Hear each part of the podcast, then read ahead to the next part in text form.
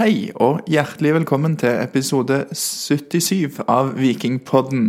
Og nå Alexander, sitter vi her etter at Nora Heggheim og Hanne Sæter Jacobsen har forlatt oss. Og Hvordan syns du det gikk? Jeg syns det gikk veldig bra. Jeg tror eh, lytterne kan glede seg til en god episode. Men vi oppfordra folk i episoden til å komme på stadion på lørdag, for da spiller, spiller Viking kvinner opprykksfinale mot Bryne. Og den kampen den starter klokken 14.00. Men tre ganger i episoden så klarte jeg å si feil klokkeslett. Så det har vi spilt inn på nytt, så det høres kanskje litt sånn klønete ut. Eh, men vi vil ikke at folk skal møte på feil tidspunkt på SR Bank Arena på lørdag. Så Viking kvinner spiller opprykksfinale mot Bryne klokken 14 førstkommende lørdag 16. oktober. Så du vil, i tillegg til at du hører at det er noe rart med akkurat det, så vil du òg legge merke til at Alexander ønsker velkommen til episoden på nytt etterpå. Og det er fordi at det var ikke planlagt at vi skulle spille inn denne. Nei, vi spiller en liten sånn eh, en ekstra intro. Og så glemte vi en ting til, Alexander. Ja, vi gjorde det fordi i dag er det 11. oktober. Vi har spilt inn episode med Hanne Sæther Jacobsen og Nora Heggheim. Og neste mandag, 18 oktober, så får vi besøk av en eh, ringrev på herrelaget. Rolf Daniel Vikstøl. Det gleder vi oss veldig til, og vi kommer jo til å be om spørsmål til den poden, så nå har du litt tid til å forberede deg. Men da skal vi kjøre i gang med vanlig introduksjon og alt. Da kjører vi på. Episode 77 av Vikingpodden kommer her.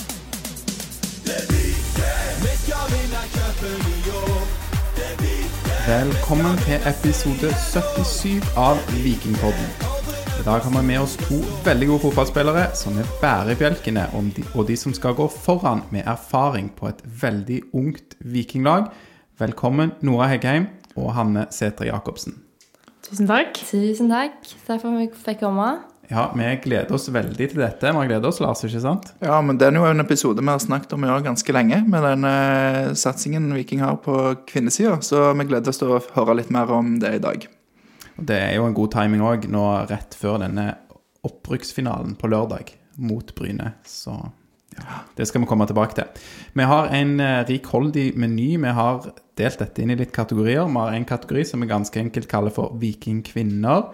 Så skal vi snakke litt om eh, videre satsing, både for Viking og for dere. Vi skal snakke litt om supportere, en kategori som er kalt diverse fotball, og livet ellers. Eh, og så er det en, en sånn generell kvinnefotballkategori til slutt. Så det er sånn vi har valgt å gruppere det. Så, men vi skal begynne med litt lette spørsmål. Da begynner vi rett og slett med hvor lenge har dere spilt i Viking? Og da begynner vi med deg, Nora.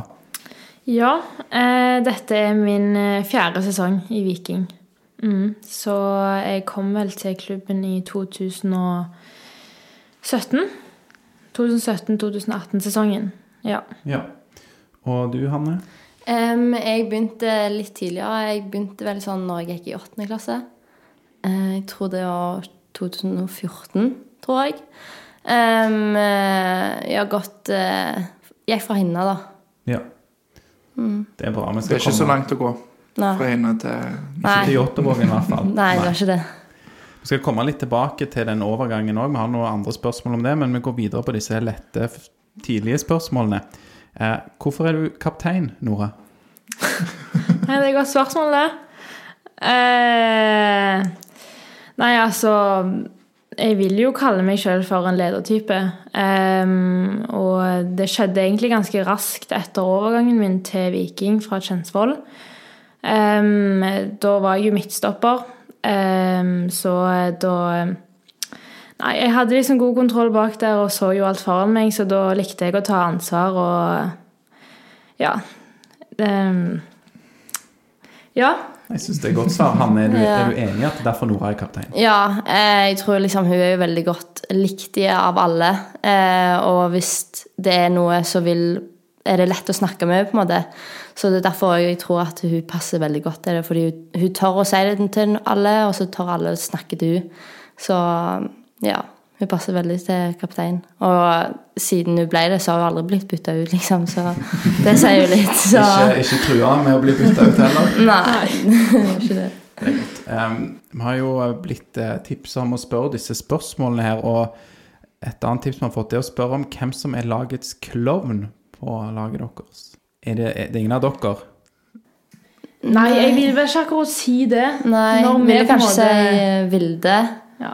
Bakke Andersen. Vilde Bakke Andersen, ja. Hun ville kanskje si er mest eh, Hva du, hva du gjør da som gjør at du eh, Dere tenker på hun? Hun er jo et par år yngre, da.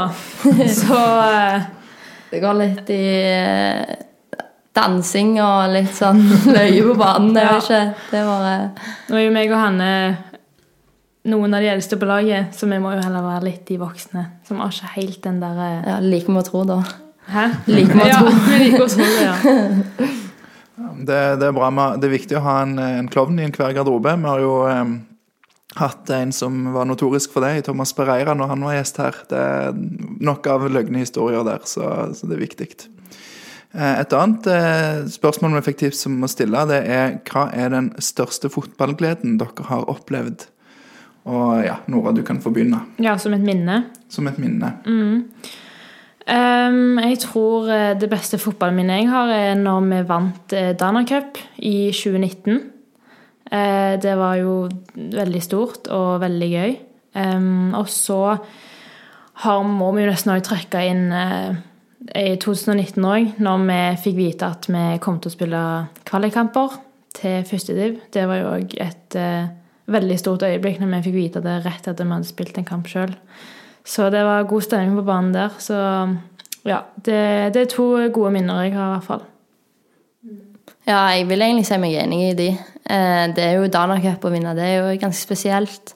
Eh, og ja, 2019, det var jo liksom Vi spilte jo på en måte for å av bare den siste kampen, og så tapte jo Bryne, og vi fikk en stor overraskelse på en måte på slutten der. Eh, som vi hadde jobba for lenge, da, men eh, så det var ekstremt gøy. Jeg tror jeg aldri kommer til å glemme når vi sto på banen der i ringen og venta på svar. Ja.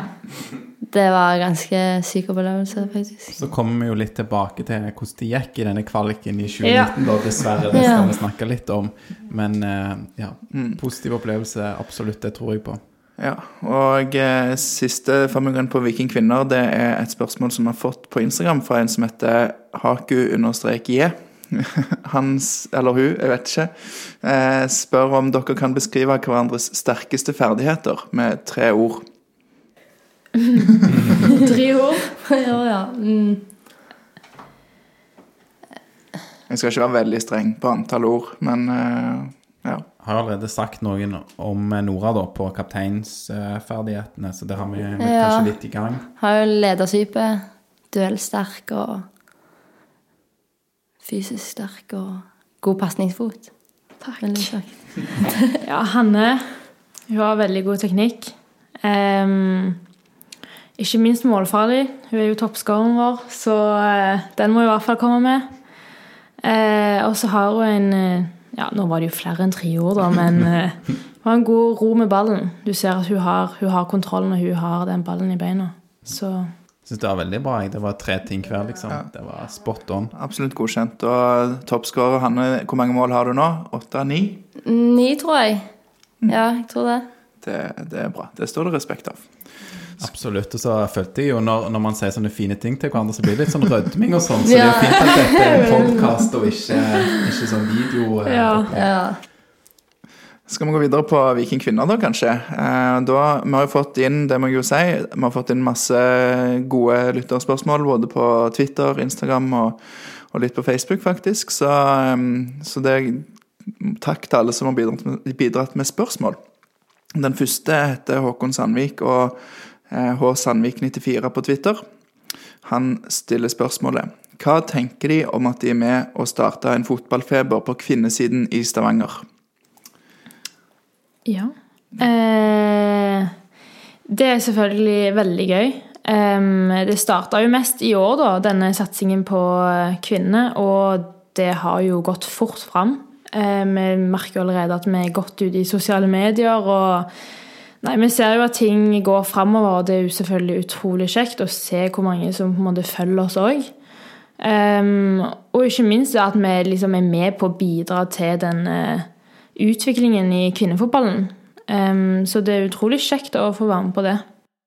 Ja, det er jo sykt kjekt. Når du så sist kamp, hjemmekamp, så kom jo alle de små jentene og liksom ville ha bilder og var helt gira, liksom. Så det er sykt kjekt at eh, folk liksom enda mer kommer på kamp, og ja, det er sykt gøy. Det er jo veldig kjekt, og det har jo gått eh, bra for dere òg i, i sesongen. Eh, Ligger jo på topp og har faktisk nå to poeng på Bryne.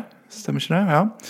Um, vi går litt videre, og Knut Husdal eh, på Twitter spør om eh, dere føler dere som en del av elitesatsingen eller som et juniorlag i Viking. Og jeg vet ikke om dere skjønner helt spørsmålet. Jeg eh, håper det var Det er jo et litt frekt spørsmål, på en måte, da. Så, ja. Jeg vet ikke hva dere tenker om, om dette. Nei, det har jeg egentlig aldri tenkt på, at vi føler oss som en juniorlag. Eh, Jeg føler vi på en måte føler oss som et damelag og en del av den Ja, og så Vi er jo et veldig ungt damelag, det skal vi jo si. Og, eh, men med tanke på satsingen så føler jeg vi virkelig blir prioritert.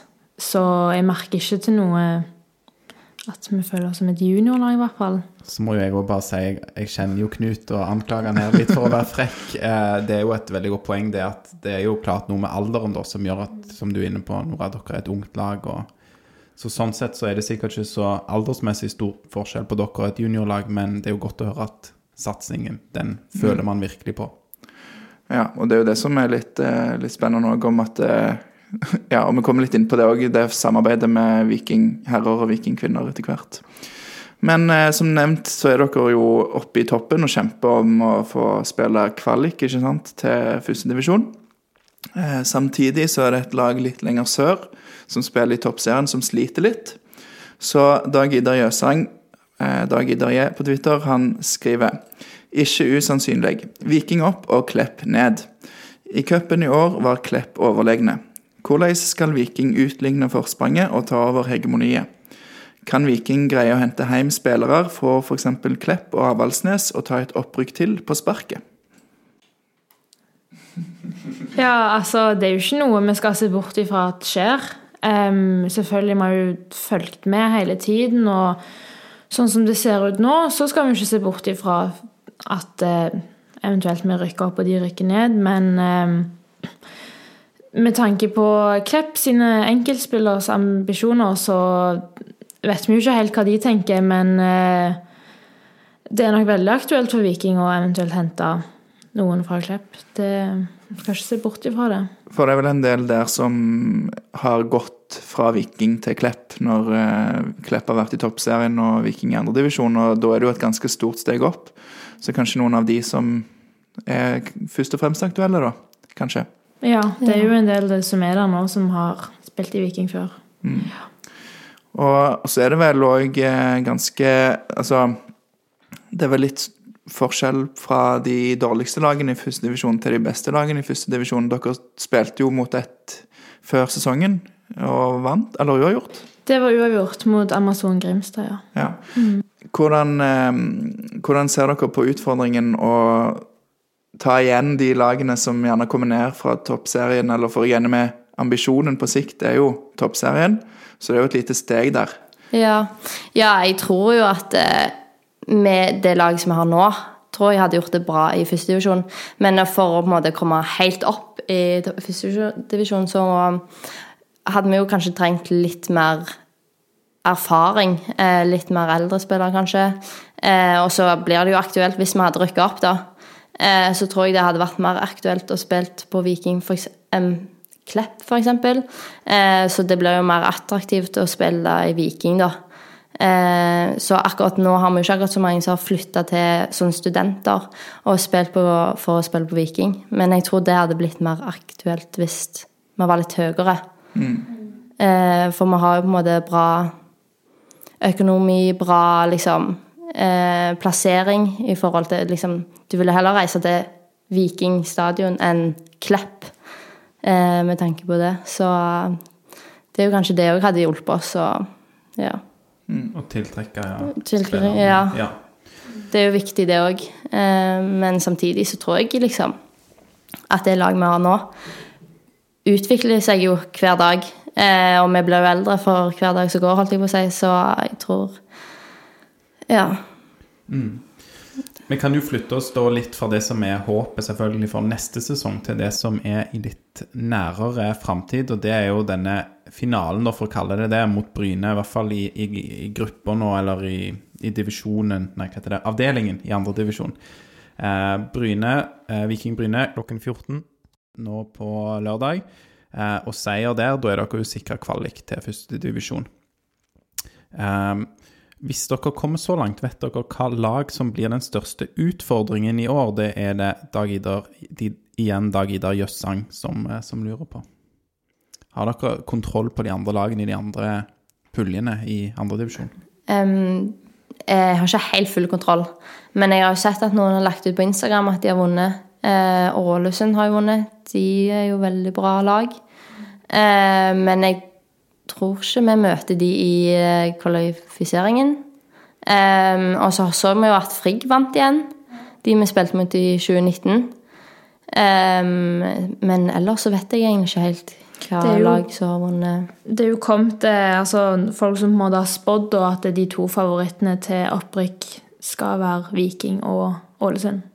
Ja. Mm. Men vi vet jo Vi tror ikke vi møter de i en eventuelt kvalikkamp, så Og betyr dette at det er to lag som rykker opp da, fra andredivisjon til første? Ja. Er det sånn at da dere møter et annet lag og spiller en kamp, eller er i fjor var det vel, eller for to år siden var det vel noe seriespill, eller litt komplekst? Ja, i år er det to kamper Ja. som skal bli spilt. Mm, Hjemme og borte. Ja. Ja, mot ett lag. Ja. Ja. I 2019 så var det vel ekstra vanskelig, fordi da måtte du skribele enda mer kamper for å rykke opp, fordi de endra på noe hvor mange lag som skulle være i toppserien og sånn. Eh, så det var vel enda vanskeligere. Da rykka det vel bare ett opp. Ja.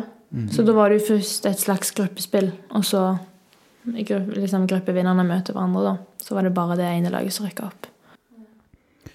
Um, vi skal komme tilbake til, til hvordan det gikk i 2019 og skrev det som et eget punkt her, men, um, men vi har nevnt allerede Klepp litt, og så er det jo opprykksfinale mot uh, Bryne. Um, Dag Idar lurer òg på, fortell litt om forholdet til Bryne og til Klepp. Eh, er det ett av disse lagene det alltid har vært viktigst å vinne mot?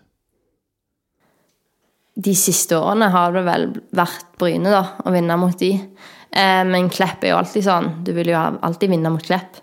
Men de har ikke vært de største rivalene i vår divisjon, da. Eh, men Har det vært Bryne, eller har det vært noen andre Nei, det har, alt- det har vært mest Bryne, ja. mest Bryne? Ja. Eh, men Klepp er jo mer sånn eh, i Jenter 19-NM, for eksempel.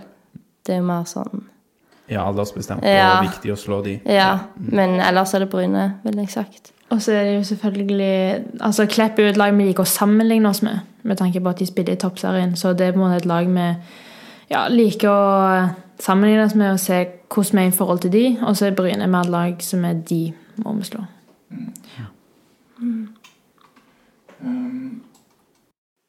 Så er det vel òg sånn, som er inne på der, at uh, det er en del vikingjenter som har forlatt, uh, forlatt Viking fordi de vil ta et steg og ha mer utfordringer eller på spille på et høyere nivå. Og jeg tror ja, det er Dag Idar Jøssang som har et dette spørsmålet òg, og han ber dere hente tre gamle vikingjenter tilbake til neste års lag, hvis dere kan velge tre som har forlatt dere. Som spiller nå i Klepp, eller som har spilt i Klepp og så gått videre. som sp har spilt i Viking, tror jeg, så om de er i Klepp, eller om de er i Avaldsnes, eller om de er hvor som helst.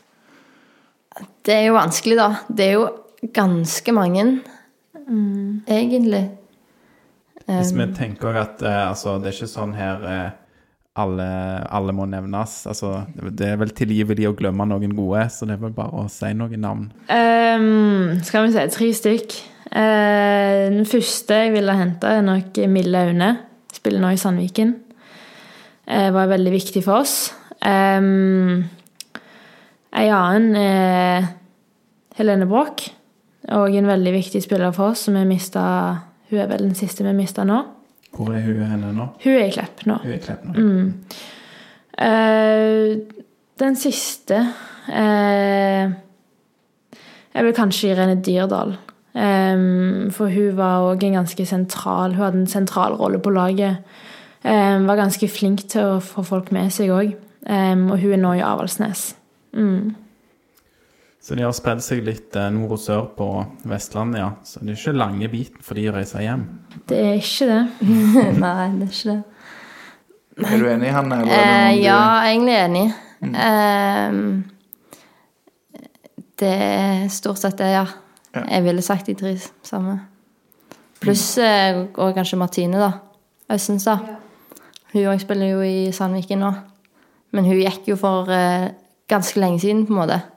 Leng men uh, Men det betyr at hun kunne kommet tilbake og vært ganske etablert og bårelaget litt sånn, med rutine. Ja, det er helt ja, klart. det er sant. Mm. Det, Eh, dere nevnte jo at eh, dere har kommet fra henholdsvis eh, Kjensvoll og Hinna. Eh, Maria Solland på Instagram hun lurer på hvordan har overgangen vært fra å spille i barnefotballen til å plutselig spille for et eh, profflag? Vi kan begynne med deg, Hanne. Ehm, nå bytta jo jeg, føler jeg, ganske tidlig.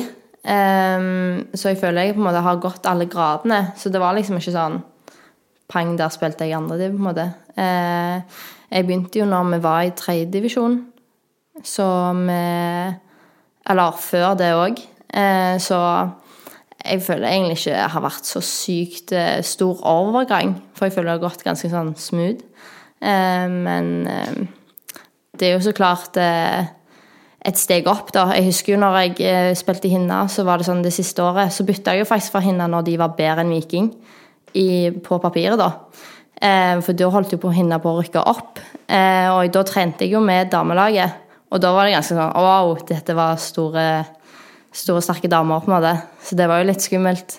Men når jeg kom til Viking, så tror jeg det gikk litt bedre, fordi da var det litt mer jevnaldrende, og så litt eldre òg. Så mye å strekke seg til, men samtidig ikke sånn veldig brått. Så det var Ja. Var pendlingen kanskje en større overgang? Du måtte pendle fra Hinna til Ja. Eiganes i begynnelsen? måtte du? Ja, ja. Det var kanskje litt verre for mamma og pappa å kjøre meg. Ja. Så de, de måtte ta den støyten? Ja, de, Nei, men det ville de med glede, tror jeg. Så Ja. Hva med deg og Kjensvoll til Viking, Nora?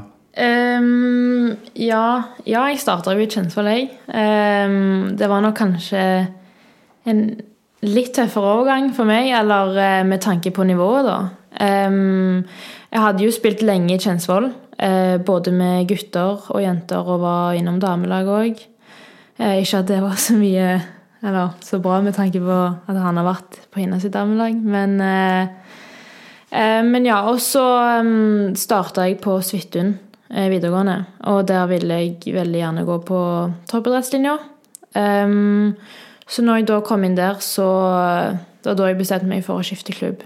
Um, så da ble jeg på en måte Da kom jeg jo rett inn med å spille både på toppidrett og i klubb med Hanne og de andre jevnalderjentene. Um, så da var på en måte nivået ganske høyt opp. Um, men jeg tror det òg har vært ganske viktig for utviklingen min. Eh, for da klarte jeg å utvikle meg egentlig ganske fort. Um, og etter det så har, eh, har det gått veldig fint. Så um, en litt tøff overgang, men eh, det gikk jo fint. Ja.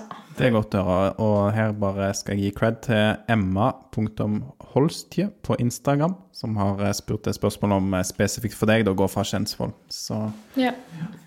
Må ikke glemme det å gi, gi kred til de som stiller gode spørsmål. Ja, og Kjensvoll er jo en fin klubb. Der har jo annet jeg og Viljar Vevatn spilt. Ikke samtidig, men eh, bare Ja. sånn. Ja. Dere er ca. jevngode òg, Lars. Du bare viser det ikke så ofte. Nei, det er sant. Lars, Lars er bare satt tilbake av idrettsskader. Det er kun det som gjør at han ikke spiller på det nivået. Stemmer, stemmer. Eh, Men dere har jo da vært noen år i, i eh, Viking, og så kunne vi faktisk 27. august i år så kunne vi lese i Aftenbladet at eh, en vikingduo gjorde helomvending. Og denne vikingduoen, det var jo faktisk dere to, Nora og Hanne. Hva dreide dette seg om? um, ja, meg og Hanne var jo da, tok turen opp til Bergen dette året i starten av august. Eh, skulle studere grunnskolelærer der, begge to, på samme skole. Eh, Betyr dette at dere er venner ute på fotballbanen òg, eller ja, det er vi. rett og slett? Ja. Ehm, så eh, kom opp der. Um, skolen var liksom ikke helt det vi trodde. Det var litt lang reisevei til skolen, og ja, det var litt mange faktorer som spilte inn der, så vi endte opp med å flytte hjem igjen. Så det tok ikke mer enn en uke før meg og Hanne var tilbake i Stavanger igjen. Det er jo eh, veldig Vi er jo glad for det i Viking her. Og, eh, men var det sånn at dere da hadde meldt overgang til andre klubber, eller eh, prøvde dere, eller hva, hva var tanken der, liksom? Nei, vi skulle trene med Åsane og så spille for Viking kamper. Sånn som Gina. Eh, Ødegaard hun er jo i Bergen og studerer, men spiller kamper for oss. Og trener for Åsane. Så vi var liksom med oss tre, da. Men så gikk vi hjem, da. Så det var liksom ikke så mye mm, forskjell, holdt jeg på å si. Vi skulle jo hjem uansett hver helg for å spille for Viking. Så det var ikke sånn at vi slutta i Viking. Tror dere det altså Nå gjør jo Gina, som dere nevner, det, dette denne modellen, da. Er, tror dere det er, er lett, eller er det mer utfordrende?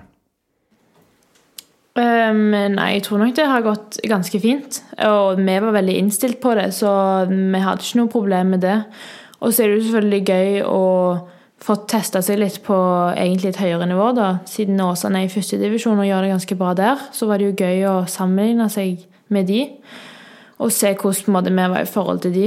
Um, så jeg tror nok det bare Og så tenkte vi at det var jo litt greit å komme hjem òg, til venner og familie òg hver helg. Så det er jo veldig greit, det òg. For Gina, tror jeg òg. Men hva, eh, det ble ikke grunnskolelærerstudie på deres. Hva, hva gjør dere nå, da, eh, på sida av fotballen? Jeg eh, begynte Altså med en gang jeg kom hjem, så begynte jeg på BI i Stavanger. Eh, så nå studerer jeg markedsføringsledelse der. Mm, så jeg er godt fornøyd med det. Ja, jeg bare jobber. Eh, Jeg tar et år og tjener litt penger. Så Det eh, Ryktet sier at det er på en SFO. Er det ja, det er på Jåtten SFO. Rett med stadion, så det er ikke lang vei til trening. Da trenger ikke foreldrene dine kjøre deg noe sted? Nei, Nei, nei. Eh, Jeg har jo lappen òg sjøl nå, da, så Da, Men men da trenger ikke du kjøre noe sted? Nei, jeg kan bare gå ned. Ja. Det kan jeg. Så greit? Um, Dere starter jo sesongen uh, Altså I år så dere, har dere spilt nesten alle hjemmekampene på SR-Bank Arena. Og, og det er jo deres hjemmebane. Men første kampen denne sesongen mot Avaldsnes, så var det jo samme dag som Viking eh, herrer skulle spille eh, kamp på SR-Bank Arena, så den ble spilt på Vestbanen på Eiganes, stemmer ikke det? Og da var det en litt spesiell eh, situasjon eh, som eh, kom med Som kom med på, på kamera der. Og vi har fått eh, melding fra en journalist i Aftenbladet som heter Alex, eh, Alex Larsen, eller Alexander Larsen. Alexander Larsen, ja. På, han har da spurt Hanne hva synes du om sklitaklingen på journalisten mot Avaldsnes? Nei, det var jo litt løye, da, siden eh, jeg kom liksom springende mot dørlinja. Eh, og så skulle, og så var det liksom en egentlig ganske håpløs ball. Eh, men så rakk jeg han på en måte akkurat før han gikk over linja. Spente jeg han bare inn for å få liksom innlegg. Eh, og så idet jeg på en måte spenner han, så har jeg beina oppe i lufta, og så eh, blir jeg jo dytta. Så da fyker jeg rett inn i han journalistene journalisten vår og bare ja, lander på han der han sitter med PC og kamera og alt. Så det var jo litt løye å se på hva etterpå, da. Fikk jo litt vondt i ryggen, men jeg var mest redd for at jeg skulle knuse den Mac-en han hadde i fanget. Så, og så ble det mål, da. Det Ja. var jo litt løye. Eh, jeg så ikke at han datt gikk inn i Eller jeg så akkurat bare sånn at folk jubla. Så det var jo litt gøy, da. Da var det gjerne verdt det, tenker jeg. Ja, det var jo det. Så nei, det var litt løye. Har du snakka med han etterpå sjøl, eller? Ja, ja, han spurte mange ganger om det gikk bra og sånn, og jeg òg Det gikk bra med PC-en og alt. Alt overlevde. Han var vel på jobb, så noen hadde diska opp med ny Mac til Ja. han, hadde de ikke? Jo da. Men eh, mål, det var jo eh, viktig. Viktigere enn den Mac-en uansett. Yes. Eh, Da har vi kommet til dette punktet da, som jeg kaller for eh, 2019. Um, vi har jo ja, hinta litt eh, og snakka litt om det allerede, denne opprykksserien da i, i 2019. Og um, det var jo den forrige kampen jeg så live, eh, Viking kvinner. Jeg har ikke sett noen i år, så det blir min første på lørdag. Men jeg var jo der da når dere spilte 1-1 mot Frigg. Um, fordi det var vel sånn at Frigg gikk videre på målforskjell fra den opprykksserien, stemmer ikke det? Og, og det var jo litt uheldig, og der var det jo bare Altså, man spilte kun én kamp mot hvert lag i den serien, stemmer ikke det? Så litt sånn der hjemme-bortebane hadde litt å si. Ja. Det ble egentlig en ganske dårlig løsning. Husker jeg irriterte meg over det. Jeg deler dere den frustrasjonen? Det har vi veldig. òg irritert oss lenge over. i Ja. etterkant. Så en ting er at det er et overgangsår eh, for NFF som skal legge om og sånn, men de må jo gjøre det ordentlig, da. Så det, det, ja, det var teite greier. Og da ville jo dere vært eh, avhengig av selvfølgelig å bøtte inn eh, mål i disse kampene, eller å vinne mot Frigg, der det ble 1-1. Og i denne kampen, da, så skjedde det noe, Hanne, for du fikk to gule kort. Stemmer ikke det? Ja, det stemmer. Ja, jeg var jo veldig forvirra, husker jeg, for det var, vi satt jo ganske lavt og så på denne kampen. Um, og så plutselig så var det rødt kort. Eh, hva skjedde der egentlig? Nei, det er jo et godt spørsmål. Eh, jeg eh, Altså, jeg syns at dommeren var jo ikke akkurat eh, den beste heller, da. Eh, men eh, den første gule kortet var vel at jeg tok en sklitakling. Sånn litt over vår eh, banehalvdel. Eh, og så fikk jeg jo mye skrøyt av trenerne våre, Egil og Helge, da. Og de bare jubla bra, han, liksom. Og så tenkte jeg bare ja, det var bra takling av meg, liksom. For jeg følte jeg bare sklei rett inn på ballen. Perfekt, liksom. Og så plutselig så hører jeg bare på høyttaleren etterpå at Hanne Sæter Jacobsen fikk gult kort. Jeg bare hæ? Fatta ingenting. Jeg, jeg fikk det ikke med meg engang. Det gjorde ikke jeg heller, kan jeg si. Jo, Ja. Det var jo min jobb der, var å sitte og se på den kampen. Jeg skjønte ingenting heller. Ja, når du fikk det røde kortet seinere. Ja. Fordi jeg hadde ikke fått med meg det første gule. Ja, så jeg forsto ingenting, da. Eh, og det tror jeg ikke treneren vår heller Jeg tror ingen fatta egentlig hvorfor jeg fikk gult kort for det. Og så sa jo det dommeren Jeg var jo på ballen først, og hun bare Ja, du kan jo godt være det. Så jeg var sånn Å ja. ja. God, god forklaring. Ja, ja. Uh, og det andre var at med, hun dømte jo offside og masse feil, så jeg ble litt sånn Så kokte det jo på sida. Eh, jeg tror jeg var vel litt borte til Egil og Helge, òg. jeg var litt sur på de. Eh, og så sa jeg noe til henne, da, og så ble hun forbanna, og så fikk jeg gult kort. Og så tror jeg ikke at hun visste at jeg hadde et gult kort fra før av. Eh, så Nei, det var ekstremt surt, og jeg eh, Det var ganske trist, egentlig. Det var liksom Så du mistenker at du ville ikke fått det andre gule hvis hun huska at hun hadde gitt deg et fra før? Ja, det er det jeg mistenkte, fordi eh, det var ganske to lette gule kort, da, vil jeg si. Um, hvis du har sett i år, så har det liksom vært spilt uh, f.eks. bare kamp, kampen på søndag, så var det jo ekstremt mange uh, taklinger og mye greier som ikke får gult kort engang. Så altså hvis vi sammenligner det, så kan du ikke akkurat uh, si at uh, mine to gule kort var to gule kort. Og til sammen er rødt, da. Så Og så sa jo Egil og Helge, treneren vår, etterpå at eh, at de, de ville ta det, at de ville ta det på deres kappe. Akkurat som hun tok ut sinnet sitt på meg, på en måte. Fordi, ja. Eller på de.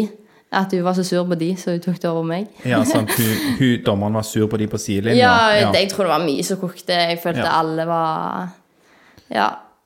Nei, vi var en eh, gjeng der som så den kampen, eh, som holdt med Viking, og jeg tror ingen skjønte noen ting når Nei.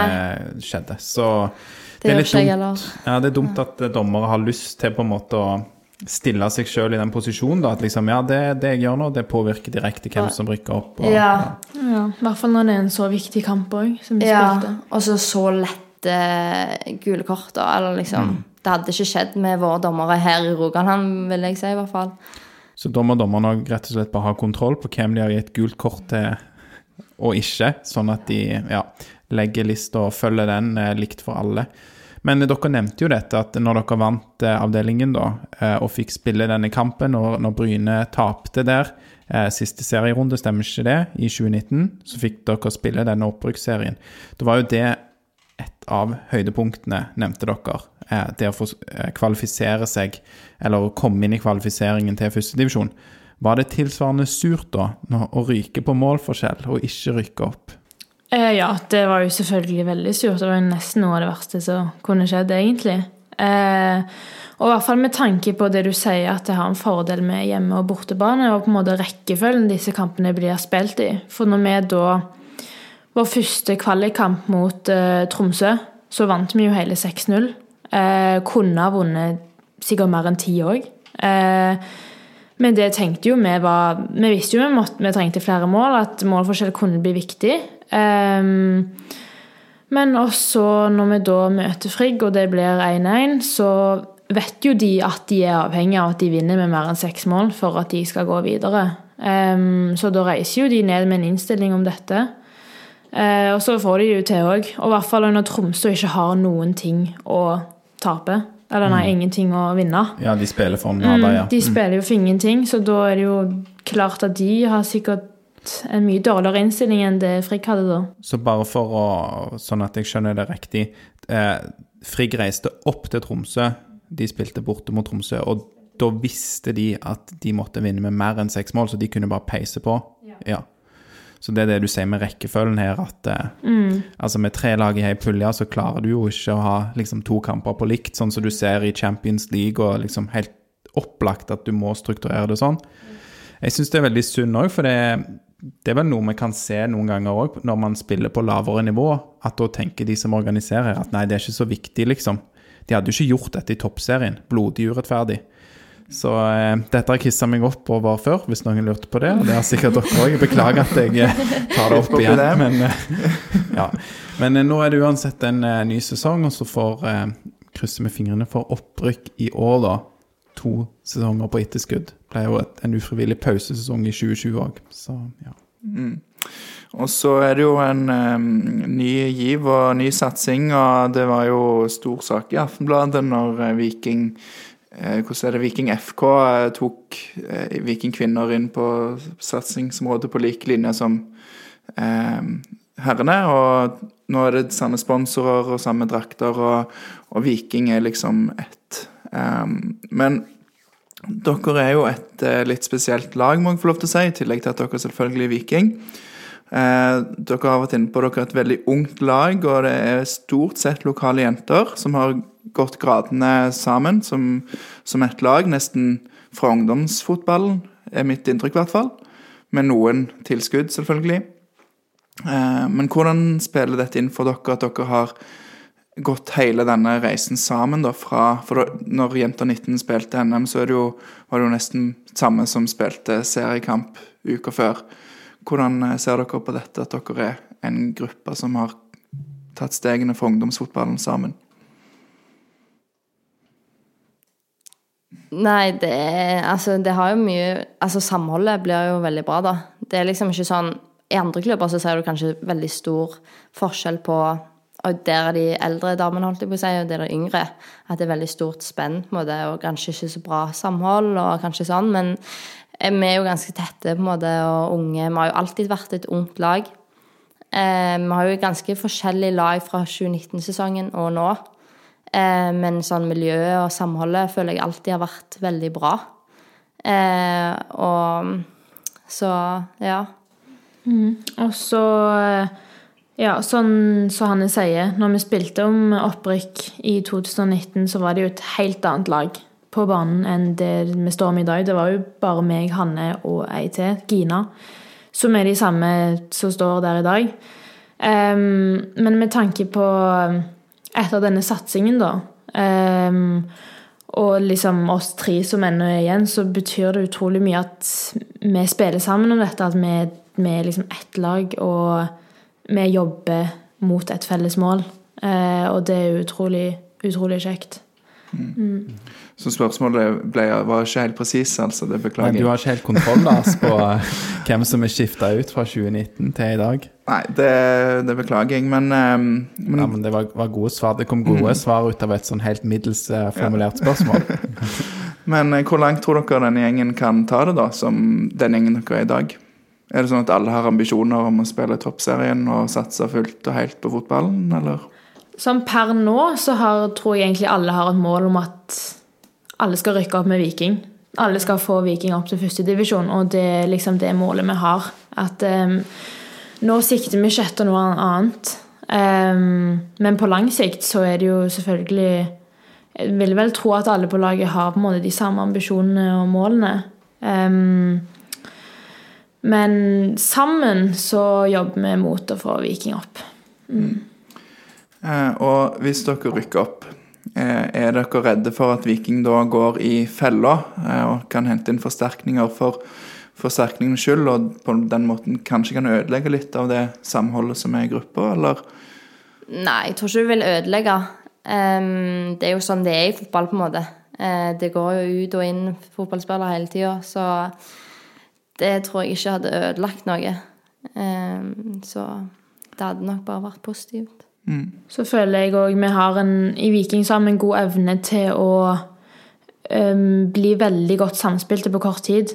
Eh, altså når vi fikk det nye laget vårt i år, så tok det ikke lang tid før vi Selv om vi ikke engang fikk spilt kamper, så tok det ikke lang tid før vi virkelig så utviklingen vår, og hvor gode vi faktisk var. Eh, så da òg har vi jo på, den, altså på denne sesongen har vi fått inn to nye spillere fra Stord, eh, som heter Sanne og Emma. Eh, og du sa jo hvor godt de har kommet inn i laget vårt og bare spilt med oss noen halv sesong. Men eh, at vi er så godt samkjørte med de òg. Så ja, den evnen tror jeg òg er veldig viktig, og det har mye å si for hvis det kommer flere spillere. At vi er gode til å få de inn i laget. Ja, jeg, jeg, tror, jeg føler liksom at det er veldig positivt med Viking. At det på en måte Når du jeg går på Viking, så er det veldig vanskelig å slutte eh, i Viking. Fordi du vil liksom ikke miste samholdet og miste alle mm, de gode venninnene, da. Så det tror jeg har vært veldig vanskelig for de som har gått. Eh, så det er liksom ikke et lag som Det er et lag du har veldig mye tilhørighet til, da. Så Føler dere at så, så, Nå nevner dere Sanne og Emma fra Stord. Eh, føler dere at det både er sportslig og sosialt, på en måte, at det, det er lett å integrere folk? Ja, jeg føler meg har blitt veldig god for det. Eh, siden når jeg kom, så var vi kanskje ikke så gode på det. Eller, ja. Og så siden på en måte 2019 og 2018 så føler jeg vi har vært veldig sånn fokusert på at det tar godt, folk godt imot. Og ja, for at de skal komme inn i gruppa. Og det har jo veldig mye å si med det som skjer på banen òg. At du på en måte alle er venner med alle. Og, så Det er veldig bra å høre. Så håper vi jo at eh, eventuelle forsterkninger òg er folk som på en måte er, er greie folk og lar seg integrere. Og det er jo noe vi syns er veldig positivt på herresiden, da vi vet at de er veldig flinke å gjøre bakgrunnssjekker. og de, det var vel nå i vinter de ikke henta inn en eller annen venstreback fordi at det var et eller annet i bakgrunnssjekken. da, sant? Du skal passe inn i garderoben og sånn. Så det tenker jeg òg når eh, kvinnesiden tar, eh, tar steg, at eh, det må vi jo krysse fingrene for. At det blir, blir tilfellet òg, som dere er litt inne på, hvis man skal ha eh, litt eh, større aldersspenn. Kanskje. Det vil jo ja, mest sannsynlig melde seg på et eller annet tidspunkt. Eh, men dere personlig, da, vi kan begynne med deg, Nora. Vil du være med i Viking, eller tror du det kan komme andre fristende tilbud rekende etter hvert? Um, altså, helt siden jeg kom til Viking, så har det vært Viking. Uh, jeg føler meg veldig trygg i Viking, og sånn som Hanne sier, jeg tror det er en klubb som er veldig vanskelig å forlate. Um, så man skal jo aldri si aldri heller, da. Uh, for vet jo ikke eventuelt om det kommer tilbud, eller ja. Men um, jeg vil si meg veldig trofast til Viking. Mm.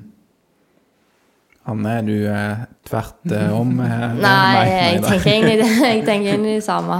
Eh, det er jo eh, kjekt å få tilbud og sånn, men eh, ja.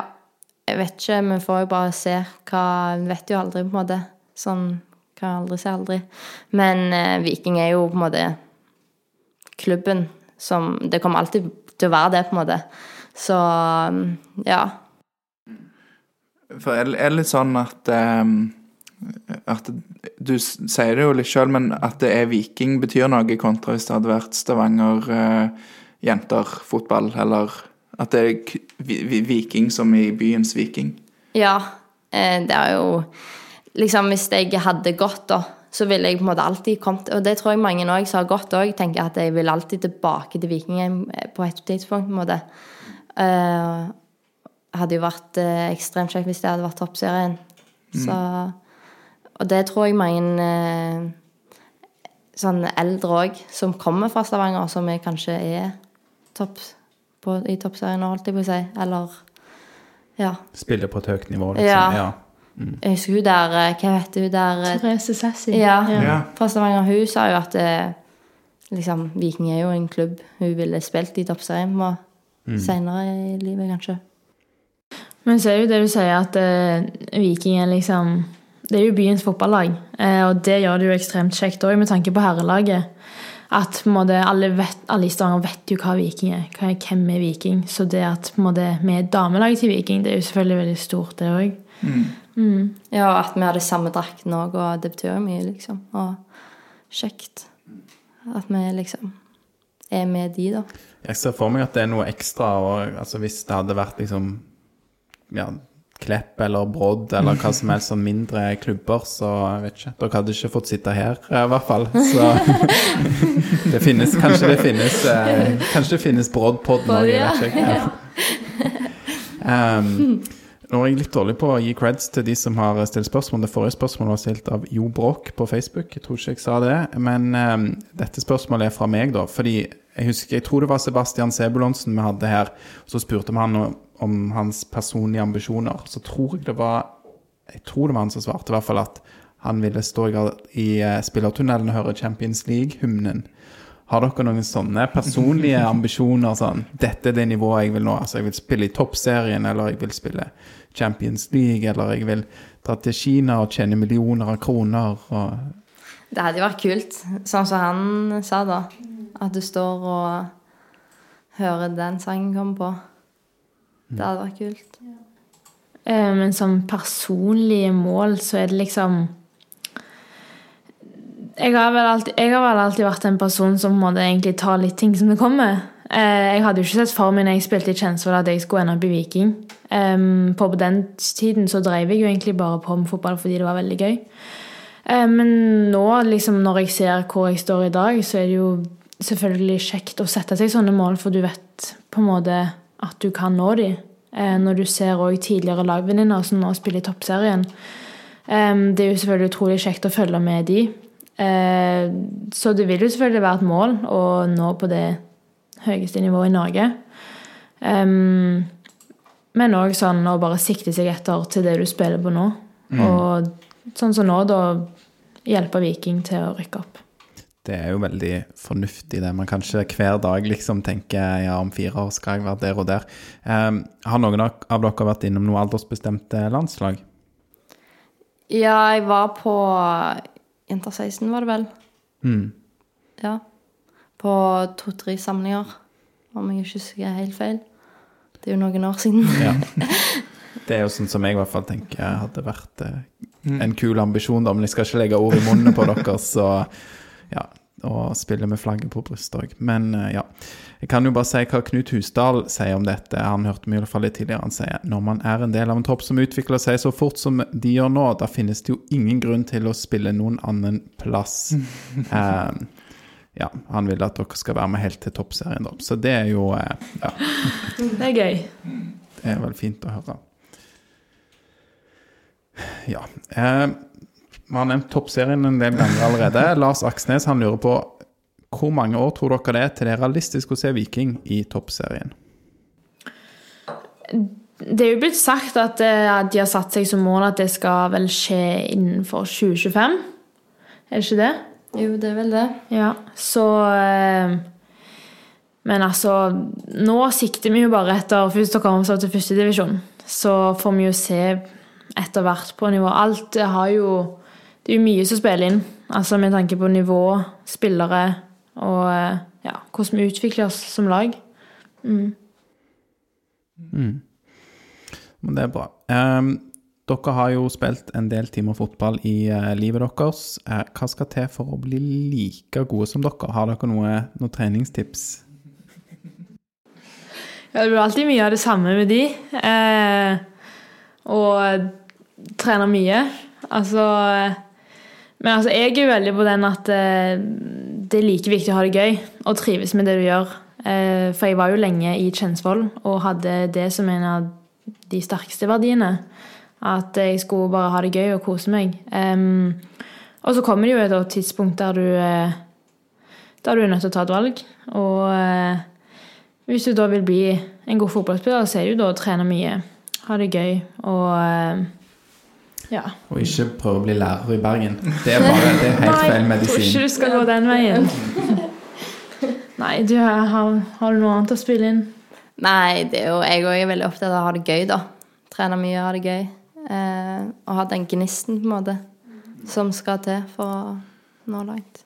Så det er sikkert eh, kan jo være greit når du, eh, Hanne, er en målfarlig spiller, så har du en god defensiv eh, venninne som du kan eh, dra ned og spille, spille med i Nora. Som, men du, Nora, du sa jo du var midtstopper, men nå spiller du vel mest på midtbanen, stemmer ikke? Ja, det stemmer. Jeg spilte vel eh, Ja, har vel egentlig stort sett vært midtstopper i Viking. Em, og så ble jeg flytta opp til Jeg spiller defensiv midtbane nå, da, så det er ikke så stor forskjell, men eh, ja, kan vel si jeg er på midtbanen. Mm. Så du gikk da eh, på mange måter motsatt vei av eh, en som heter Henrik Heggheim, og jeg bare vil ta det nå med en gang, siden jeg følte det var en grei link å gjøre det på. Eh, det er flere som har spurt om du er søstera til Henrik, og hvis du har hørt episoden vår med Henrik Heggheim, så vet du svaret, men Nora, hva eh, Er du i slekt, er du i slekt med Henrik? Eh, nei. Ikke som jeg vet, i hvert fall. Um, jeg får jo det spørsmålet veldig ofte. Uh, både flere i familien òg. Mamma fikk jo en gratulasjon på Facebook her om dagen når han var godt uh, meldt overgang til Brøndby. Så um, nei, men eh, da hadde vi Vi er jo like gamle, så da hadde vi jo egentlig vært tvillinger. Ja, sant. Men eh, nei, vi er ikke i slekt.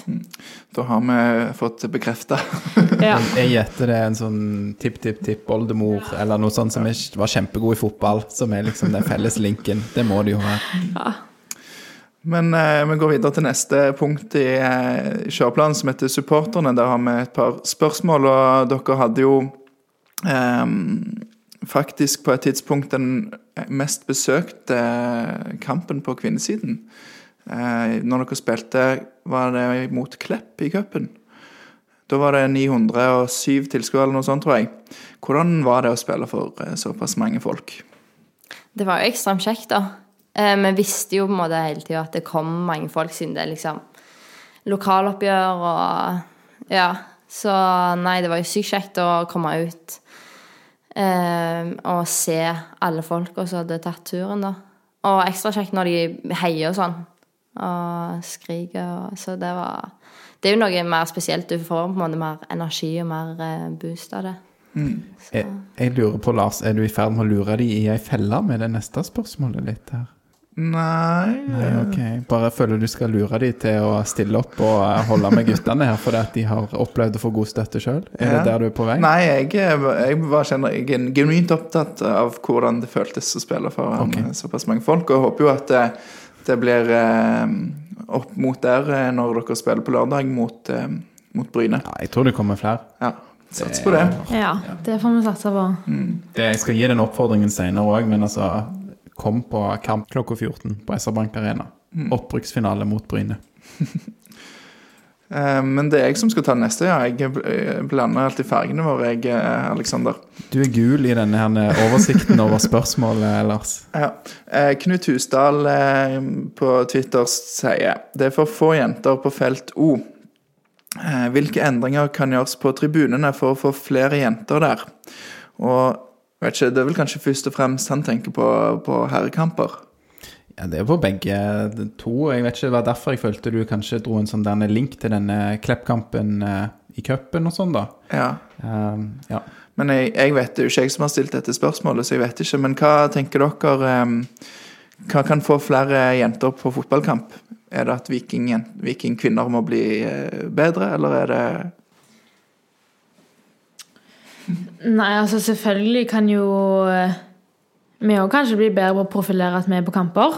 Um, men altså, med tanke på våre kamper, syns jeg det er veldig godt oppmøte av jenter, i hvert fall. Um, men med tanke på herrekampene, så Jeg vet ikke, jeg har ikke så mye peiling der, jeg, så Nei, ikke jeg heller.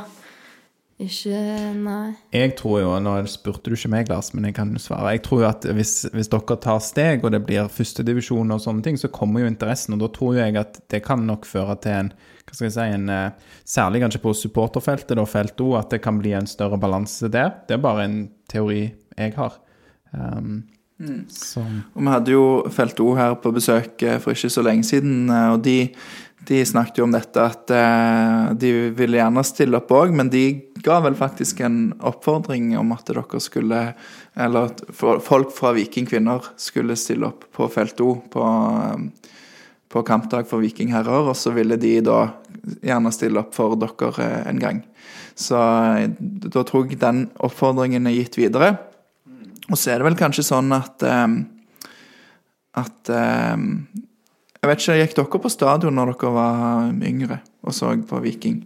Ja, jeg føler jeg alltid har Jeg har jo bodd så nærme, så jeg føler jeg alltid har vært der med pappa og familien.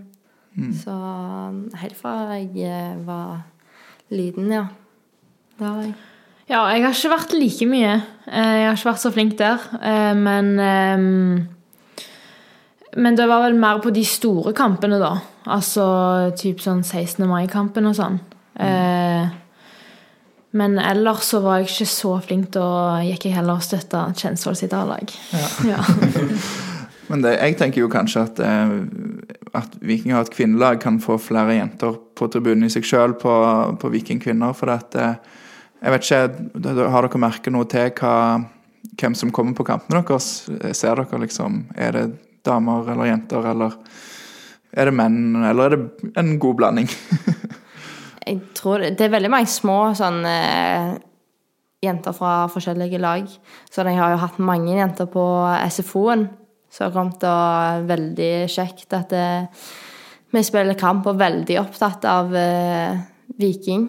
Og at det Så det er mange små, men eh, jeg har ikke sett sånn opp på tribunen hvem som faktisk er der, nei. Sånn eh, Om det er mange eh, eldre og en Ja. Ja, vi får ikke så god tid å se på Nei, det er egentlig veldig godt tegn at dere ikke kan svare på det. Ikke drive og sose ut på banen og bare Ja. kikke rundt dere og opp og Men det, vinke og ja. det jeg gjerne ville fram til, var jo det at for unge jenter, det å ha noen forbilder, er jo klart at det vil ha noe å si, tenker jeg i hvert fall. Ja, ja for vi merka jo mye på den eh, Loddefjord-kampen, var det vel, at eh, etter kampen så var det jo liksom de små jentene som sto igjen og ville ha bilder og sånn. Så mange av de. ja, det er bra. Det er kjekt. Vi går til neste kategori her, og den har vi kalt diverse fotball. Så her kan det jo være eh, alle mulige slags eh, spørsmål. Emilio Sanuesa, han heter at Emilie Pepilio på Twitter. Han sier som følger Dere får 10 millioner kroner i gave som dere må bruke på å forbedre infrastrukturen i Viking.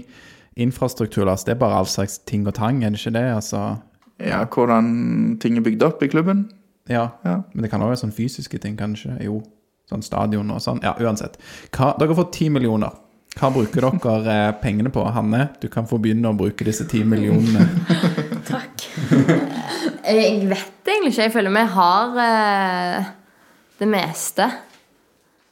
Eh, Jeg føler ikke at vi trenger noe Nå, nå spiller dere i andredivisjon. Hvis dere tar noen steg, da trenger dere kanskje flere ting. Jeg vet ikke. Sånn massør. Ja, det hadde jo vært herlig, da. Å få en egen massør. Eh, ja, sånne ting er jo fint å ha. Men eh, Ja, altså Hvis du kommer opp et par nivåer, da, så kommer vi inn på dette med lønn og sånn, da. Ja, du, det, ja, det er sant. det føler jeg var lurt svar. Ja. ja um, men nei, sånn som Hanne sier, at vi allerede er i andredivisjon og føler vi har det meste. Ja. Eh, vi er jo ganske komfortable der med Eller med tanke på at vi har Vi har jo fått vår egen garderobe på stadion, eller på SR Bank. Eh, det er jo veldig kjekt. Eh, men òg Det er ikke sånn som i Sandviken, at det er herrelaget og damelaget må dele garderobe. Så dere den saken der? Ja, Ja. ja. er Sånn er det ikke i Viking. Nei. Nei. Nei, for det, det var, var jo noe jeg tenkte på. For det i garderoben til herrene så er det jo store sånne bilder av disse vikingspillerne. Og ikke bare bilder, men sånn Det er liksom tapetsert, nærmest. Jeg vet ikke. Men eh, ja, reagerte dere noe på den eh, saken der, eller hadde dere noen tanker sjøl? Som, som jo dere er fotballspillere og kan kanskje kjenne igjen situasjonen. Ja, det var jo Det var jo sånn sak du ikke kan på en måte tro at det er en sak nå i 2021. Eh, det er jo veldig rart. For, eh, nei, jeg bare syns det er veldig snålt, egentlig. At det på en måte kan være en sak. Eh, Ja, du tenker de bildene burde bare fått henge? ja, Ja. jeg skjønner ikke hvorfor, liksom, hvorfor til, det til skal være Til lytterne, da, skal vi bare ta det. det. De fleste har sikkert fått det med seg. Men Sandviken de har jo et veldig godt damelag og et ikke fullt så godt herrelag. Eh, som deler garderober, og da er det jo bilder da, av elitelaget som er Sandviken. De ligger jo på førsteplass i toppserien. Um, og da, ja, bilde på, på hver plass til hver spiller, eh, damene. Og så ville herrene de men, Treneren mente det var en distraksjon, og tok de vekk. Så sorry, nå avbryter jeg deg, Hanne, men bare i tilfelle noen ikke kjente storyen. Ja. Ja.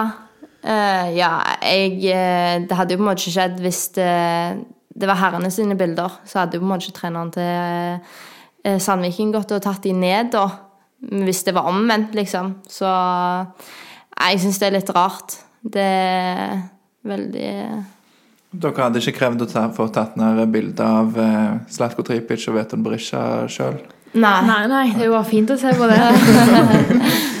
Men vi kunne jo hatt liksom bilde av eh, sånn Nora Heggheim, Slatko Tripic og du, Hanne, liksom, med Ja. Veton. Det hadde jo vært litt kult, da. Ja, det hadde vært kult, det.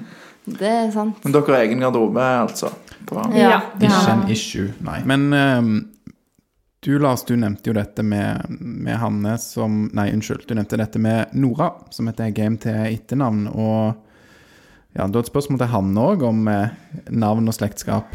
Ja, eh, Pål Jæger Jacobsen, som er Vikingpoddens eh, fjerde medlem, han eh, har sendt inn spørsmål og lurer på om Hanne, som har et legende etternavn for øvrig, sier han. Siden han heter Jacobsen sjøl, for de som ikke Ja. Men har, er, han- har Hanne noen kjente beslektskap i fotballverdenen? Hilsen barnebarnet til Kniksen sin tremenning. Så ja, er du eh, noen eh, claim, claim to fame, eller? eh? Nei, eh, jeg snakket faktisk med mamma og pappa om dette for litt siden. Det er ingen eh, som eh, vet, nei. Så du blir den første Ja, kanskje det. Er du i slekt med Pål Jæger Jacobsen, nå vet du det? Kjenner du han? Som Nei. pleier å være i Vikingpodden av og til. Han er veldig grei, da, men du kjenner ikke han, altså? Nei, jeg kjenner ikke han. Nei. Det gjør jeg ikke. Nei, da er det litt sånn som Henrik og Nora. Ja.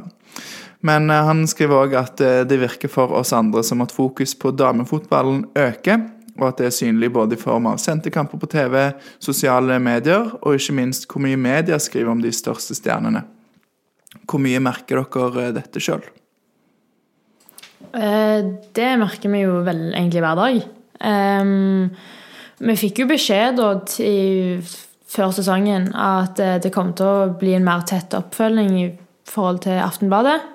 Så da får vi jo han Alexander Larsen kommer jo ofte på treninger og tar bilder, noe som er veldig gøy. Skriver om oss i Aftenbladet. Kommer liksom en sak nesten i, for- både i forkant og i etterkamp av kamper vi spiller.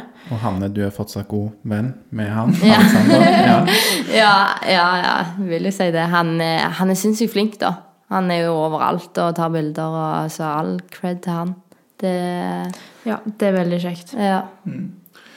Um, og eh, videre spør Pål hva er drømmelaget å spille for for dere? Bortsett fra Viking, hvis dere måtte Spør om dere ser mye utenlandsk fotball på TV, f.eks. Mm. Jeg ser ikke så veldig mye, men sånn Jeg har alltid heit på um, Barcelona, liksom. Så det hadde jo Det er jo liksom den klubben, på en måte. Men ja. Du da, Nora?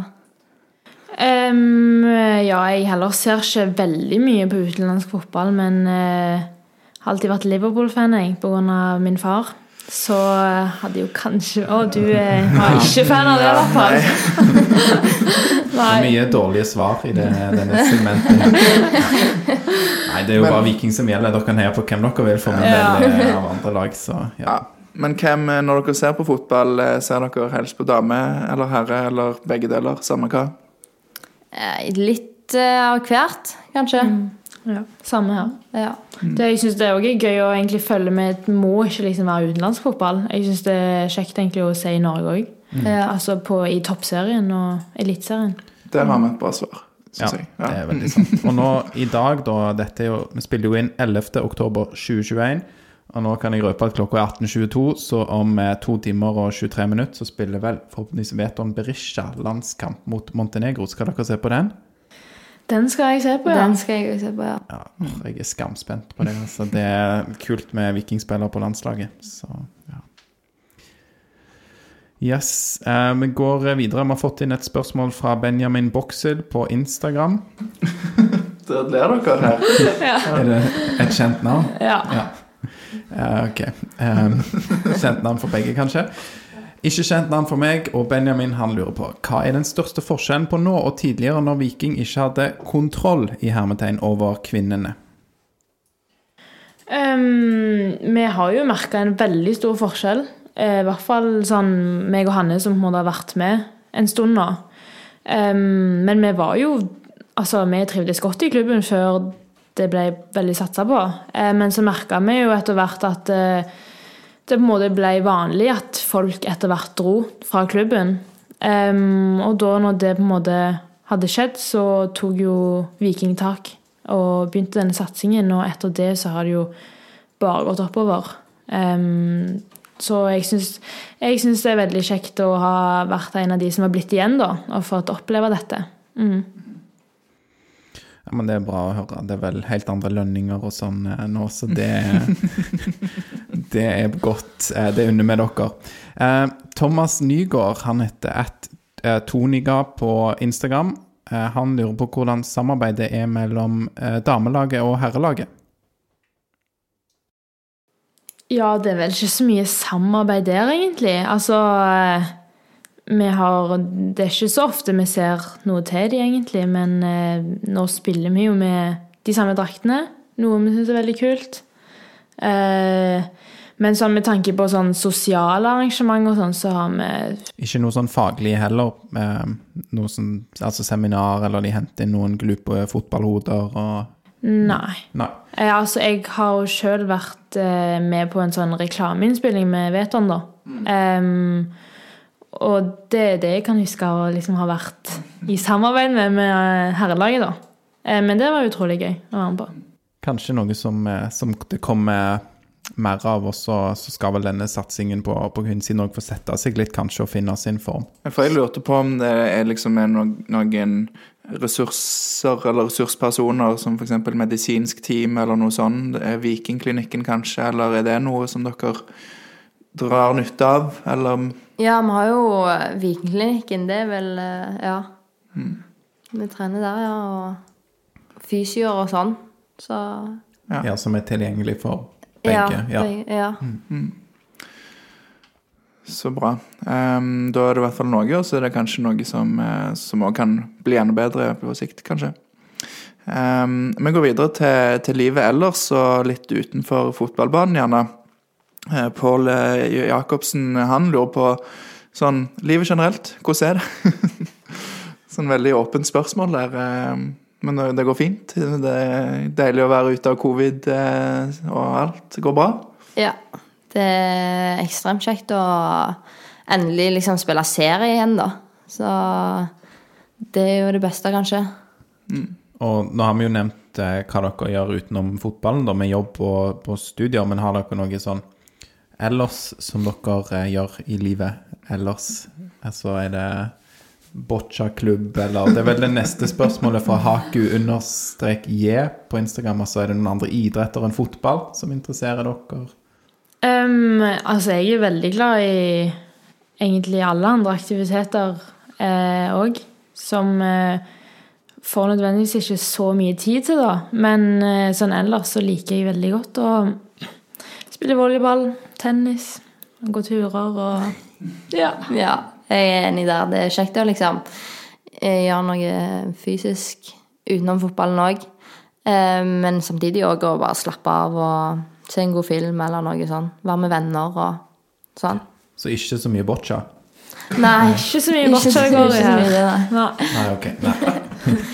Nei, Jeg er jo veldig glad i det sjøl, så jeg er alltid på jakt etter folk som spiller boccia. Så Nei, jeg bare fjaser. Det har jeg spilt én gang de siste fem årene, så jeg, det var bare, bare random. Um, ja. Jeg går elegant videre fra bocciaen, jeg. Um, vi har fått inn et spørsmål fra uh, at Yolanda Giuduis på Instagram. Det uttalte jeg nok feil. Men uh, spørsmålet er kan Hanne fortelle litt om TMT-linjen på Sankt Svithun, og hvordan var det å kombinere TMT på Svithun med toppfotball i Viking? Talenter mot toppen, er det det? Er det Ja. det det står for? Talenter mot toppen, ja. Ja. Eh, nei, eh, når eh, jeg begynte, og to andre fotballjenter fra Viking, så var jo det ganske nytt, eller liksom nytt med fotball, da, på denne her linja. Så eh, det, det vil jo egentlig bare si at vi hadde fem treninger, morgentreninger, eh, mens Nora hadde bare tre. Eh, så vi har bare to mer treninger. Eh, men eh, ja, det var, det var gikk egentlig ganske fint. Hvis vi hadde mye skole, så kunne vi bare gjøre skole istedenfor eh, morgentrening. Og så det gikk egentlig ganske fint å kombinere. Eh, så lenge du har på en måte god kommunikasjon med både treneren din og eh, skoletreneren din. Så tror jeg det har blitt enda bedre nå, fordi nå er jo på en måte kanskje bedre eh, sånn samarbeid med skolene. Eh, og i tillegg så har jo Bengt, eh, treneren til rekruttlaget vårt har jo Bengt de, Sæternes. Ja. Eh, har jo de på skolen, så det er kanskje mer, enda mer samarbeid nå. Så jeg tror det bare blir bedre og bedre, egentlig. Så du òg var vel ganske fornøyd med det du gikk? Ja. Nå. ja, det var jeg. Jeg gikk jo eh, Ja, jeg gikk jo idrettsfag, eller idrettslinja, med toppidrett. Så de dagene Hanne hadde de to ekstra treningene, da hadde jo jeg gym med min egen klasse, som gikk litt mer ut på andre idretter enn fotball, da. Så jeg hadde tre toppidrettstreninger, men eh, det var veldig eh, godt kombinert med både kveldstreninger og, og skole. Men sånn som Hanne sier, så tror jeg det har utvikla seg mye mer i etterkant òg. At den utviklingen der har blitt bedre. Og nå er dere jo ferdige på videregående, da, og videre spørsmål her fra eh, Jolanda er hvordan klarer du å kombinere jobb med fotball, Hanne? Nei, det går egentlig ganske fint. Eh, Jeg føler egentlig ikke det er så mye forskjell på en måte fra videregående, fordi det var jo lange dager der òg. Eh, så det er liksom ikke så mye forskjell, vil jeg si. Fordi med tanke på at jeg har jo på en måte en jobb som ikke går på kveldstid. Så jeg kan jo eh, Jeg går ikke glipp av noen treninger eller noe sånt. Jeg har egentlig mer tid til å trene mer, egentlig.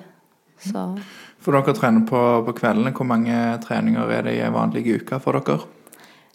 en, det er liksom varierende nå for tiden, med tanke på kramper og sånn, og litt belastning. Eh, men eh, vi har jo egentlig trening hver dag, unntatt lørdager. Sånn. Så det er vel seks Ja. dager i uken. Men nå i sesong blir det vel fire-fem pluss kamp, da. Så fikk dere fri i dag, forsto jeg, eh, fordi dere skulle her, eller eh, vet ikke? Nei. Ja, vi hadde jo kamp i går, Ja. så um, tok litt rolig i dag, og så har vi trening i morgen igjen. Ehm, vi har fått inn et spørsmål fra en som heter Halvor eh, Høvring på Instagram. Og Han lurer på om dere kan fortelle om besøket hos Manchester City for noen år siden. Ja. Ja. Eh, det var jo en sånn eh, Ja, en fotballtur. Du, ja. Eh, en fotballtur med, med laget. Da var jeg nesten helt ny i klubben. Eh, men det er nesten en av de kjekkeste turene jeg har vært på. Eh, fordi det var liksom fotball og sosialt. Så da hadde vi jo treninger der vi ble trent av treneren til Manchester City sitt damelag, var det det? Ja, eh, hvis jeg ikke ser helt Ja. feil. Så det var jo ganske stort, da. Det var litt kult å få um, hatt han som trener. I tillegg så spilte vi jo mot eh, City på anlegget der. Eh, mot eh, Hva lag var det? Jenter Jeg tror det Det var et sånn juniorlag. Ja. Ja. Og det var jo ganske jevnt òg. Jeg husker ikke helt hva stillinga ble, men eh, ja, det var ganske kult, da. Vi var jo på en måte inne på anlegget eh, og spilte ba på banen der. Og Det er jo fikk- nice å kunne komme der og bite litt fra seg og Ja. ikke bli overkjørt, liksom. Ja. Samtidig så spilte vi mot Liverpool òg. Ja, da fikk vi uavgjort, husker jeg. Ja, men da husker jeg vi burde ha vunnet. Men eh, ja, det var utrolig kult å se at liksom forskjellen Det var ikke så stor forskjell på de Nå vet ikke jeg om de var supergode der i deres liga, men eh, ja, det var kult. Bra. Ja, det er jo sikkert en veldig kjekk opplevelse å komme ut på den, eh, den måten der. Um, et helt annet spørsmål Et helt annet spørsmål har vi fått fra Francesca Rudi på Instagram. Det er veldig gøy for meg og Lars her som kan se når eh, Nora og Hanne kjenner de som har stilt spørsmålene. Så Francesca lurer på hvem er best på TikTok av dere to? Det er, altså, jeg er best å se, men du er best å Ja. lage.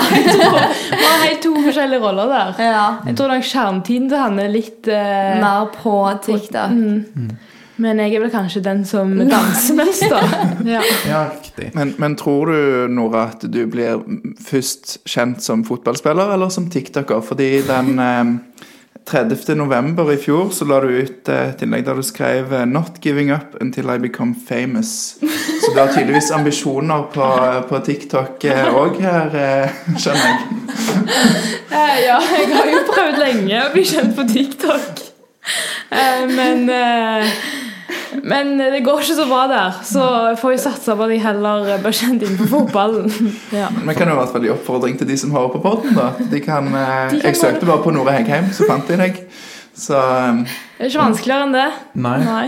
Lars, og du er jo eh, i kraft av din rolle som lærer, så er jo du ganske oppdatert på TikTok. For du må jo, du må jo beskytte elevene dine litt opp og følge litt med på TikTok. Hvordan vil du evaluere Nora sin TikTok-profil? Er hun i ferd med å bli kjendis på TikTok? Um, sånn basert på tallene så vil jeg si at du er et stykke unna. Kvaliteten den ligger er jo skyhøy, må jeg jo si. Så, Ja. God kvalitet, men det får ikke den responsen det fortjener. Ja. Kan jeg, kan jeg spørre nå eh, hvor mange følgere hun har på TikTok? Nei, følgere er jo ikke noe, så det er views. Views? Det er ok. views. Jeg har aldri tatt i TikTok, så jeg vet ikke. Men, så du har, man har ikke følgere? Det er views som er viktig? Jo, du Vi har har det. følgere, men det er jo på en måte hvis du legger en video, så kan du jo få sykt med Ja. Du kan få mange views selv om du har få følgere. Okay. Ja, Så det er kanskje det jeg satser mest på, som du sikkert ser. Ja, ja, ja. Du har jo 700 på den mest sette her, så Ja, det var bra. Det var bra. Det er ikke like mange lyttere som Vikingpodden har akkurat, men eh, ganske bra likevel. jeg regner med disse tallene skyter i været etter, Etter denne episoden. Ja. Ja. Det kan kan du være sikker på. Vi skal ta ett til spørsmål fra Francesca, og jeg kan jo også si at eh, på noen av disse spørsmålene som jeg mistenker kommer fra folk dere kjenner, de har vi sensurert. Så de, liksom de drøyeste spørsmålene de kommer ikke med, da. Så vi har prøvd å gjøre dere en tjeneste. ja, takk. Takk på forhånd. Um, men Francesca lurer også på hvis dere måtte velge enten-eller, ville det vært Klepp eller Bryne? Det er vanskelig spørsmål. Det er veldig vanskelig spørsmål. Um, Like lang reisevei, da? Eller Ja. eh, så cirka. Nei, hvis du skal sikte deg etter eh, nivå, så tror jeg jeg ville valgt Klepp. Og det er jo faktisk litt kortere å reise dit òg. Ja, Ja. det var det jeg tenkte òg. Ja. Vanskelig. Ja, det er vanskelig, det, altså. Viking er svar på det. Ikke? Ja, det er Viking. Ja, alltid Viking. Ja. Ja. Ehm, så kom vi inn på en litt uh, En bolk som òg har fått en del spørsmål fra. Noen har uh, sendt inn spørsmål uten å uh, Uten at de ville at det skulle bli kjent hvem det var fra. Men det handler om kvinnefotball sånn litt mer generelt, som ser litt større på det, da. Um, og før så var det sånn at Røa, Klepp, Team Strømmen Trondheimsøren, Asker, Kolbotn og Arna Bjørnar, Bjørnar var lag i toppserien. Ja, Så hadde du Stabæk og et par andre, da, men dette er jo ikke lag som eh, er kjent for de som fulgte herrefotball.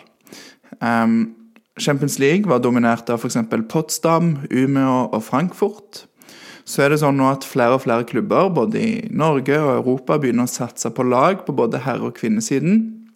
Eksempelvis eh, Manchester United, Real Madrid, RBK og Viking nylig.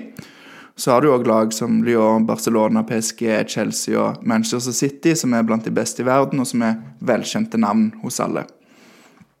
Hvor mye betyr det å kunne drømme om å spille for f.eks. Real Madrid, Barcelona, Manchester United eller Viking, kontra Potsdam, Frankfurt, Umeå, Røa eller Kolbotn?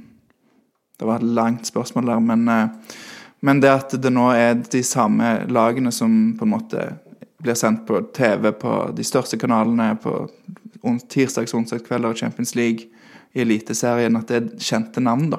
Hvor mye har, tenker dere det har å si? Nei, det har vel kanskje Det er jo mye å si. Det er jo sykt gøy å på en måte eh, Det er jo kanskje kjekkere å tenke at jeg vil spille på Real Madrid enn eh, de andre lagene du sa. Så Og med tanke på på en måte ressurser og alt At de på en måte At det er liksom samme lag som herrene, da. Mm. At de liksom Ja. Kan denne satsingen være med på å liksom heve statusen til kvinnefotballen, tror dere, blant folk flest? Ja, det òg tror jeg er veldig Det må jo være veldig greit Relevant. at hvis du blir skamgod i fotball, liksom, at du eh, Det er ikke sånn Yes, nå er jeg dritgod, liksom. Nå flytter jeg til Umeå. Ja, det er det. Det må jo være Ja. litt eh, digg, eller få litt eh, varmere klima nede i Spania. Ja. et eller annet. Ja. Helt sant. I dag skal vi ta imot Nora Eggheim, hun spiller for Potsdam. De er veldig veldig gode, altså. Jeg lover. Det høres jo litt kulere ut med Real Madrid, da. Si.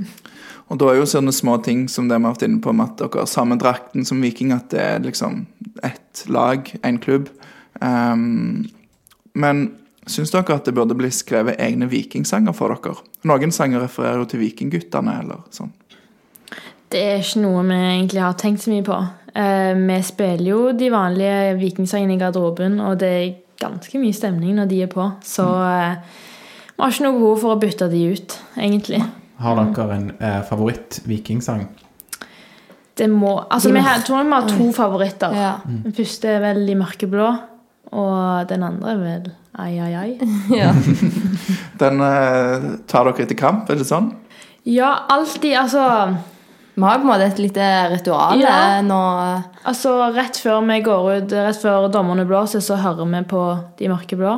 Hvis vi får tid, ai, ai, ai òg. Og så, etter kamp, så hører vi på ai, ai, ai. Da òg. Ja. Og Men- mørkeblå, da. Ja, Ja. det går de, mye, de to. de mørkeblå, hvilken sang er dette her? For jeg tenker kriminell kunst. Er det Nei? Um, Eh, jeg tenker på den um, Ja. kan bare synge. Nå- Ja, vi vi synge nå, eller? Vi har fått et spørsmål som sier at uh, du har en god sangstemme. Dere har gode sangstemmer, så nå kan dere jo vise det. Oh, ja. ja, Nora har ekstremt god Nei. eh, Nei, men da Nei, jeg, jeg husker faktisk ikke hvem, jeg husker ikke hvem eh, som har den, men det er den der Åh. Ja, det er, Kim. det er Ja, ja, Ja, ja. ja, det var det. Jeg bare lurte på om det var en sånn fra 70-tallet som jeg hadde glemt, Ja. men da er det den. den. skal ringe serien og Ja. Ja, bra, Lars. Lars kan også synge. Altså. Ja.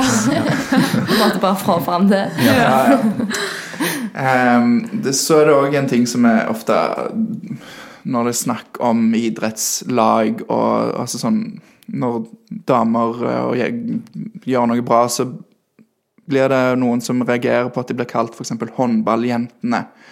Eh, vikingjentene, vikingdamene eller vikingkvinnene, hva foretrekker dere sjøl å bli omtalt som? Og bare husk at når Tommy Knarvik signerte for Viking som 31-åring, så var overskriften i NRK Tommy Knarvik blir vikinggutt. Bare sånn at det ikke handler om alder her. Ja. Ja.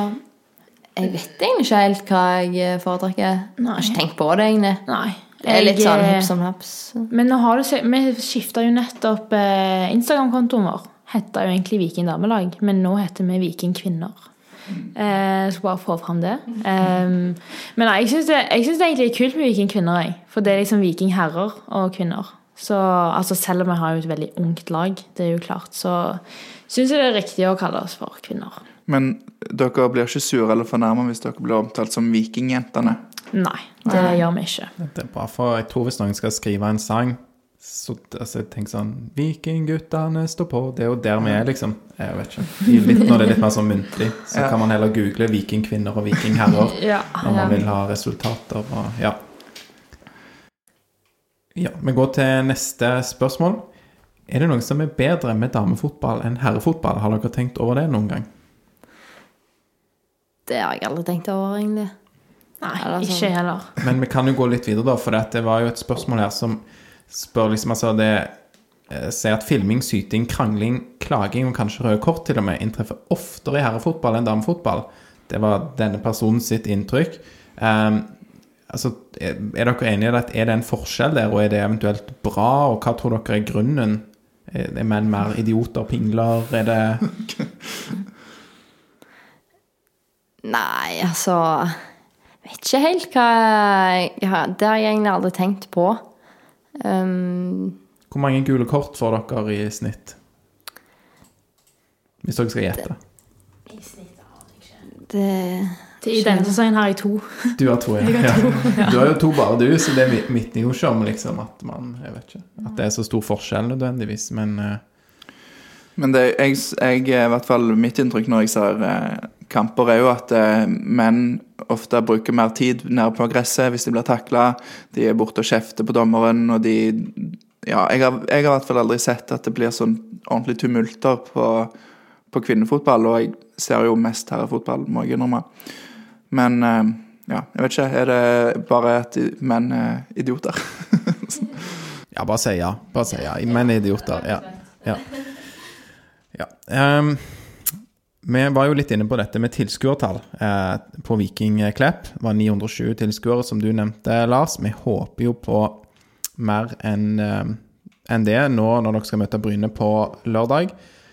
Igjen til alle lytterne, stille opp klokka 14 eh, på lørdag og skape en god ramme rundt den viktige opprykkskampen der. Ehm, men så står det her at i Stockholm så fylte Hammarby denne helga stadion med 18 537 tilskuere. på damelaget? På damelaget ja. litt over halvfull stadion. Vi har vel et stykke igjen dit, men tror dere vi kan, eh, kan nærme oss? Hva tror dere er realistisk å, å få kanskje nå på lørdag og ja, si om et år eller to? Tror dere vi ser noen eh, firesifra tall innimellom?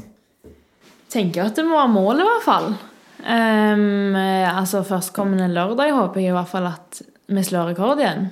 Um, og så eventuelt om vi kommer et nivå opp, så håper jeg jo at det i hvert fall dobler seg.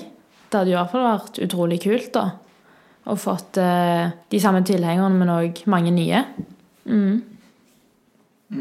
Men et eh, ta spesifikt tall skal jeg ikke 16 000. Ja, Vi får vel aldri Det er lenge til vi får 18 000 i denne byen, i hvert fall. For så store stadioner har vi ikke i vår, vår by.